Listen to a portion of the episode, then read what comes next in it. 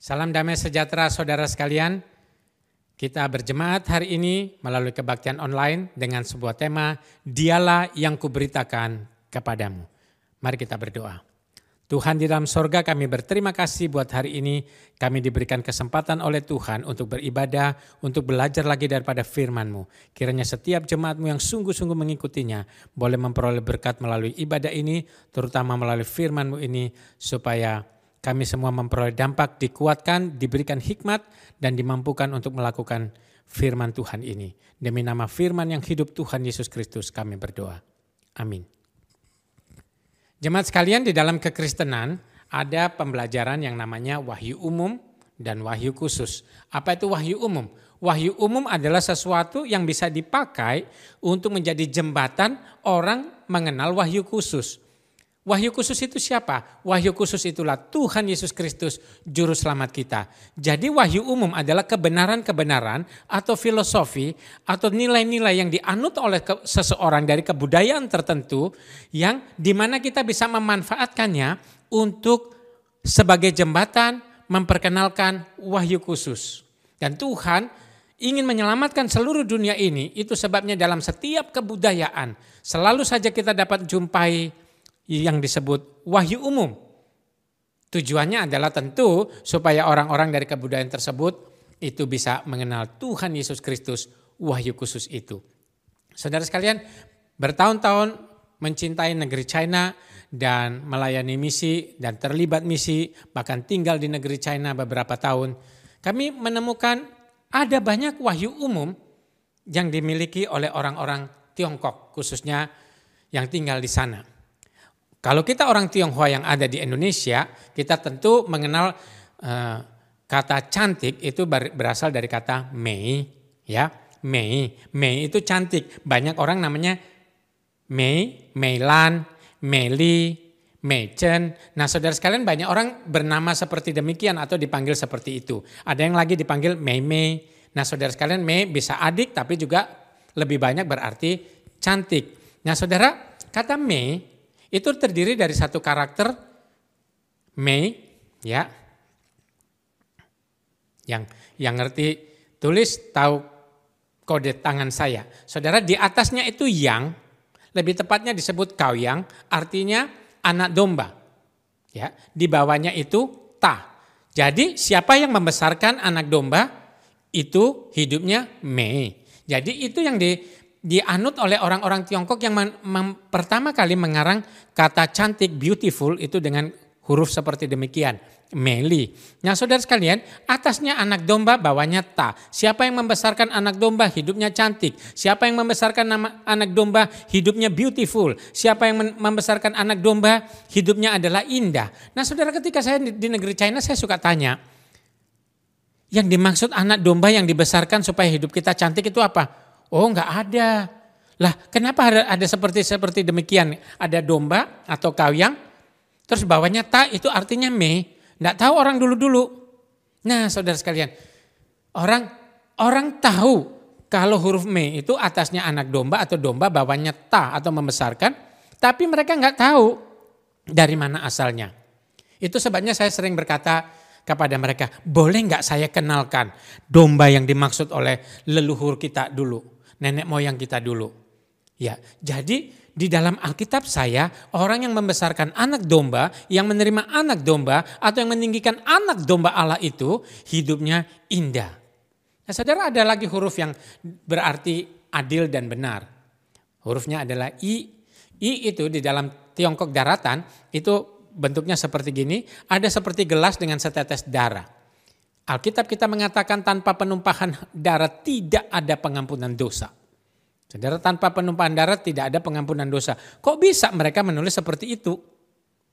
Oh, kita tidak tahu. Tetapi dalam Chinese tradisional, saudara sekalian, yi itu artinya atasnya itu domba, di bawahnya itu wo, artinya saya.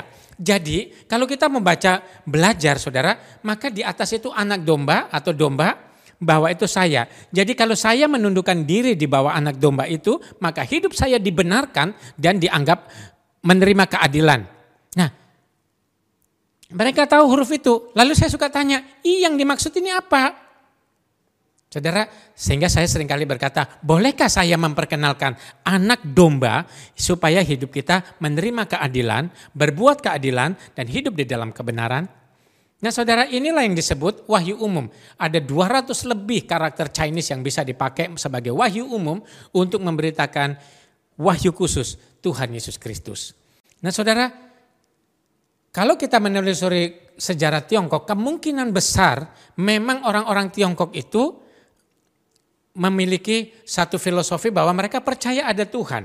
Abad 3000 tahun sebelum Masehi sampai 1000 tahun sebelum Masehi, saudara sekalian, di situ orang-orang Tiongkok hidup monoteis atau percaya ada Allah yang satu itu. Terbukti saudara, kata sangti ditemukan pada 2200 tahun sebelum Masehi, itu hurufnya seperti salib dan baru sekarang itu menamakan diri Sangti. Sangti itu artinya ti itu raja dan sang itu yang di atas. Jadi yang di atas raja itulah Tuhan. Nah saudara konsep ini ada pada mereka. Dan memang ternyata bangsa Tiongkok itu monoteis. Itu sebabnya kenapa banyak hal berkaitan dengan Tuhan. Misalnya saudara, orang Tionghoa Indonesia paling suka hoki, untung, beruntung. Itu kan huruf fu, itu sebelahnya itu sencepang yang berkaitan firman Tuhan dan kanannya itu disebut ikotian adalah seseorang dengan seluruh yang ada padanya. Itu berkaitan dengan Tuhan. Nah, seribu tahun sebelum Masehi sampai 1949, saudara orang-orang Tiongkok mulai masuk pada era politeis, percaya ada banyak sekali Tuhan.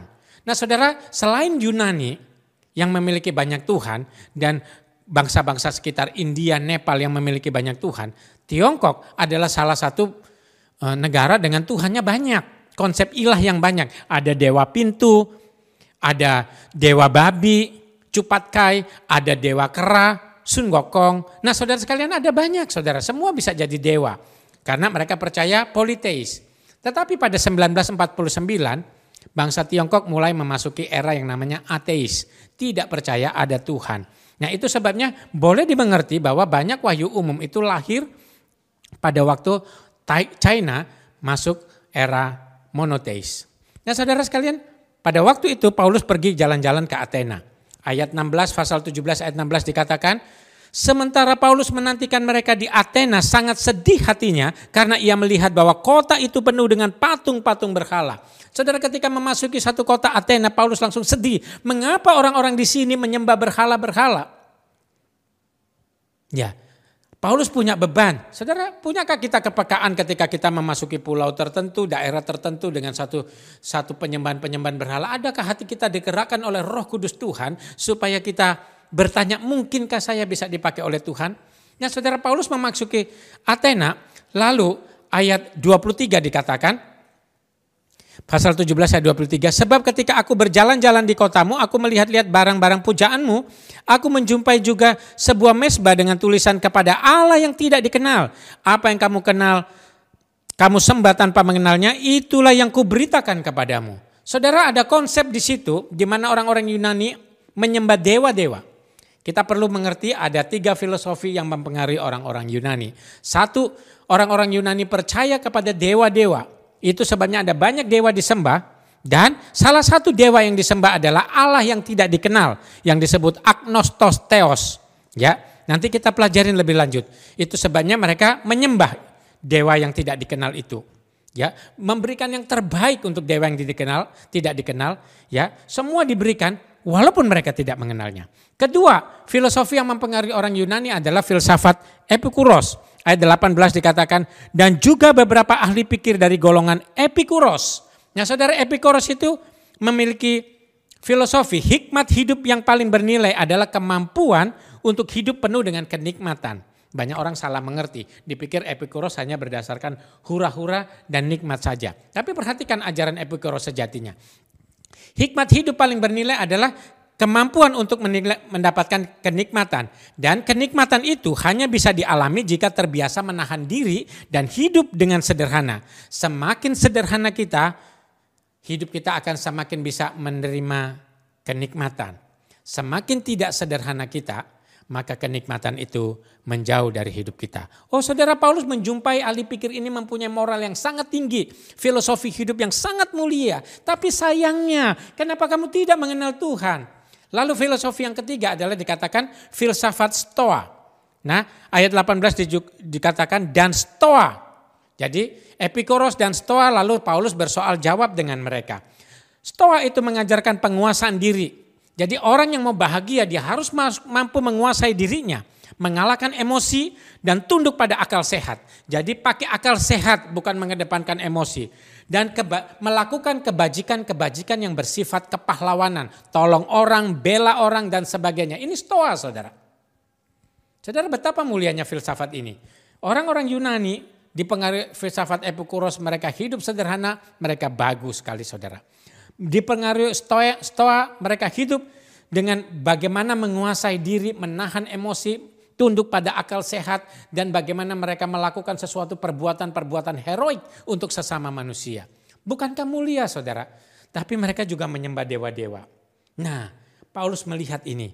Paulus tidak membantah mereka, Paulus tidak mengatakan mereka jelek, Paulus tidak menghina pandangan mereka, tapi Paulus itu mengatakan, hei engkau menyembah itu menyembah siapa? Oh kami sembah, sembah siapa? Sembah Allah yang tidak kami kenal. Lah Paulus langsung mengatakan, Allah yang tidak kamu kenal itulah yang ingin kuberitakan kepadamu. Dialah yang kuberitakan kepadamu. Saudara, kenapa dalam konsep Allah yang tidak dikenal, bahasa Yunaninya adalah agnotos theos, itu siapakah Allah yang tidak dikenal? Bagaimana kepribadian dan karakternya? Yang pertama saudara, dia adalah pencipta langit dan bumi. Kedua, dia itu pelindung umat manusia. Ketiga, dia pemelihara jalannya bumi ini dan kehidupan manusia. Keempat, dia penuh dan kebajikan. Dan kelima yang paling penting adalah dia selalu rindu menyelamatkan manusia. Nah, lalu Paulus mungkin dalam bersoal jawab mereka tidak memperkenalkan siapa sesungguhnya Allah yang tidak dikenal itu. Lalu Paulus mengatakan, boleh nggak saya memberitakan agnotos teos itu yang kamu sembah dengan sepenuh hatimu, yang kamu berikan segala persembahanmu, tetapi kamu tidak mengenalnya, aku ingin memberitakannya kepadamu. Saudara, benarkah Allah yang tidak dikenal itu adalah Yesus Kristus? Walahu alam.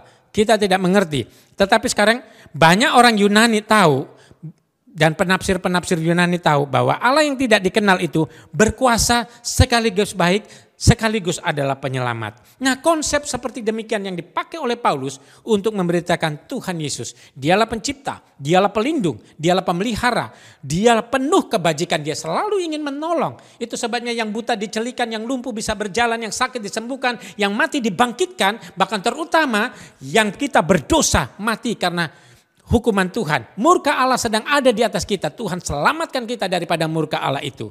Saudara inilah karakter Tuhan Yesus. Itu sebabnya Paulus mengatakan dia itulah, agnotos theos itulah yang ingin kuberitakan kepadamu. Saudara, dalam kisah Rasul 17 ayat 30 dikatakan dengan tidak memandang lagi zaman kebodohan, maka sekarang Allah memberitakan kepada manusia bahwa di mana-mana semua orang harus bertobat. Saudara sekalian Paulus melihat mereka tidak mengenal. Oh sayang sekali. Paulus ingin memperkenalkan Allah yang harusnya mereka kenal. Supaya mereka semua bisa bertobat. Saudara sekalian apa yang harus kita kita mengerti saudara. Pada waktu lalu pengenalan Allah belum sempurna. Tetapi ketika Allah datang ke dalam dunia menyatakan dirinya.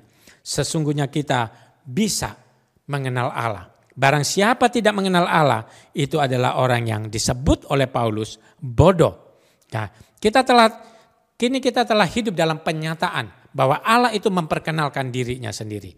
Oleh sebab itu apa yang bisa kita pelajarin saudara? Jangan beribadah dan melayani Tuhan tanpa mengenalnya. Oh, saudara, saya jadi pendeta sudah 26 tahun. ya. Jadi hamba Tuhan 26 tahun melayani Tuhan 26 tahun saudara. Banyak sekali orang memberikan persembahan karena mereka kaya. Tapi mereka tidak punya pengenalan akan Tuhan. Buktinya apa saudara? Kalau mereka mengenal Tuhannya, mereka selalu rindu mencari Tuhan. Mereka selalu rindu bergaul dengan firman Tuhan. Sebaliknya jika tidak, maka apa yang dilakukan adalah kegiatan sosial. Mungkin saja kita katakan itu pelayanan karena ada di dalam gereja, tetapi tetapi itu karena ingin menyatakan sifat kita sebagai manusia yang sosial. Ada lagi orang masuk ke gereja untuk mencari keuntungan. Ada lagi orang masuk ke gereja untuk memenuhi ambisinya. Tetapi prinsipnya yang diajarkan di sini adalah jangan beribadah dan melayani tanpa mengenal Tuhan. Hosea 6 ayat 6 dikatakan saudara, sebab aku menyukai kasih setia dan bukan korban sembelihan dan menyukai pengenalan akan Allah lebih daripada korban-korban bakaran. Saudara, Allah ingin dirinya dikenal. Allah menyatakan kita melalui firman Tuhan. Ya, sekarang banyak orang mengatakan mimpi ini, mimpi itu. Tuhan bersuara kepada dia, Tuhan berkata kepada dia. Saudara sekalian, apakah suaranya tenor, bass, sopran atau alto? Kita tidak tahu, Saudara. Tetapi Saudara, kalau Tuhan bersuara kepada dia, kenapa Tuhan tidak bersuara kepada saya? Tetapi saudara sekalian, Alkitab sudah menyatakan pada firman Tuhan yang tertulis ini, supaya kita bisa mengenal firman Tuhan yang hidup, yaitu Tuhan Yesus Kristus.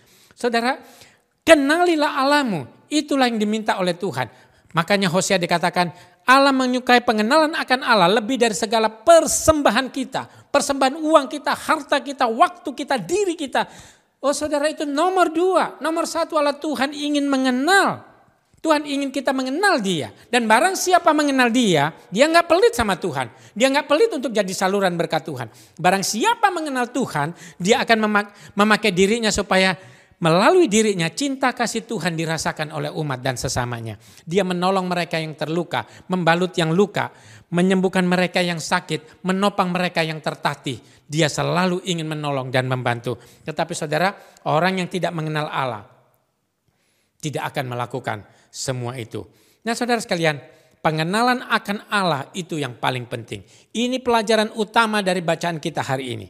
Ya, segala sesuatu ritual keagamaan yang kita lakukan hari Minggu dengan segala liturgisnya eh, sekarang ini hanya di banyak di online karena masa-masa yang sukar di negara kita ini. Tetapi segala itu kita lakukan Tidaklah berarti jika kita tidak berusaha mengenal dia. Yang kedua saudara, selalu lihat peluang. Apakah ada wahyu umum yang bisa dijadikan jembatan? Selalu lihat peluang. Paulus ketika melihat mereka menyembah Allah itu dengan benar-benar, dengan moral yang sangat tinggi, dengan filosofi yang sangat tinggi, lalu mereka mempersembahkan sesuatu, Paulus menggunakan itu sebagai batu loncatan. Satu kali orang berkata kepada saya, eh lelause, ini sepentan kamu adalah orang bodoh. Saya katakan, Wesen ma, kenapa? Lalu dia katakan gini, kamu ya datang tinggalkan negaramu demi Tuhanmu yang namanya Yesus Kristus. Bagaimana kalau hari ini saya mati dan kamu mati ternyata Yesus bukan Tuhan?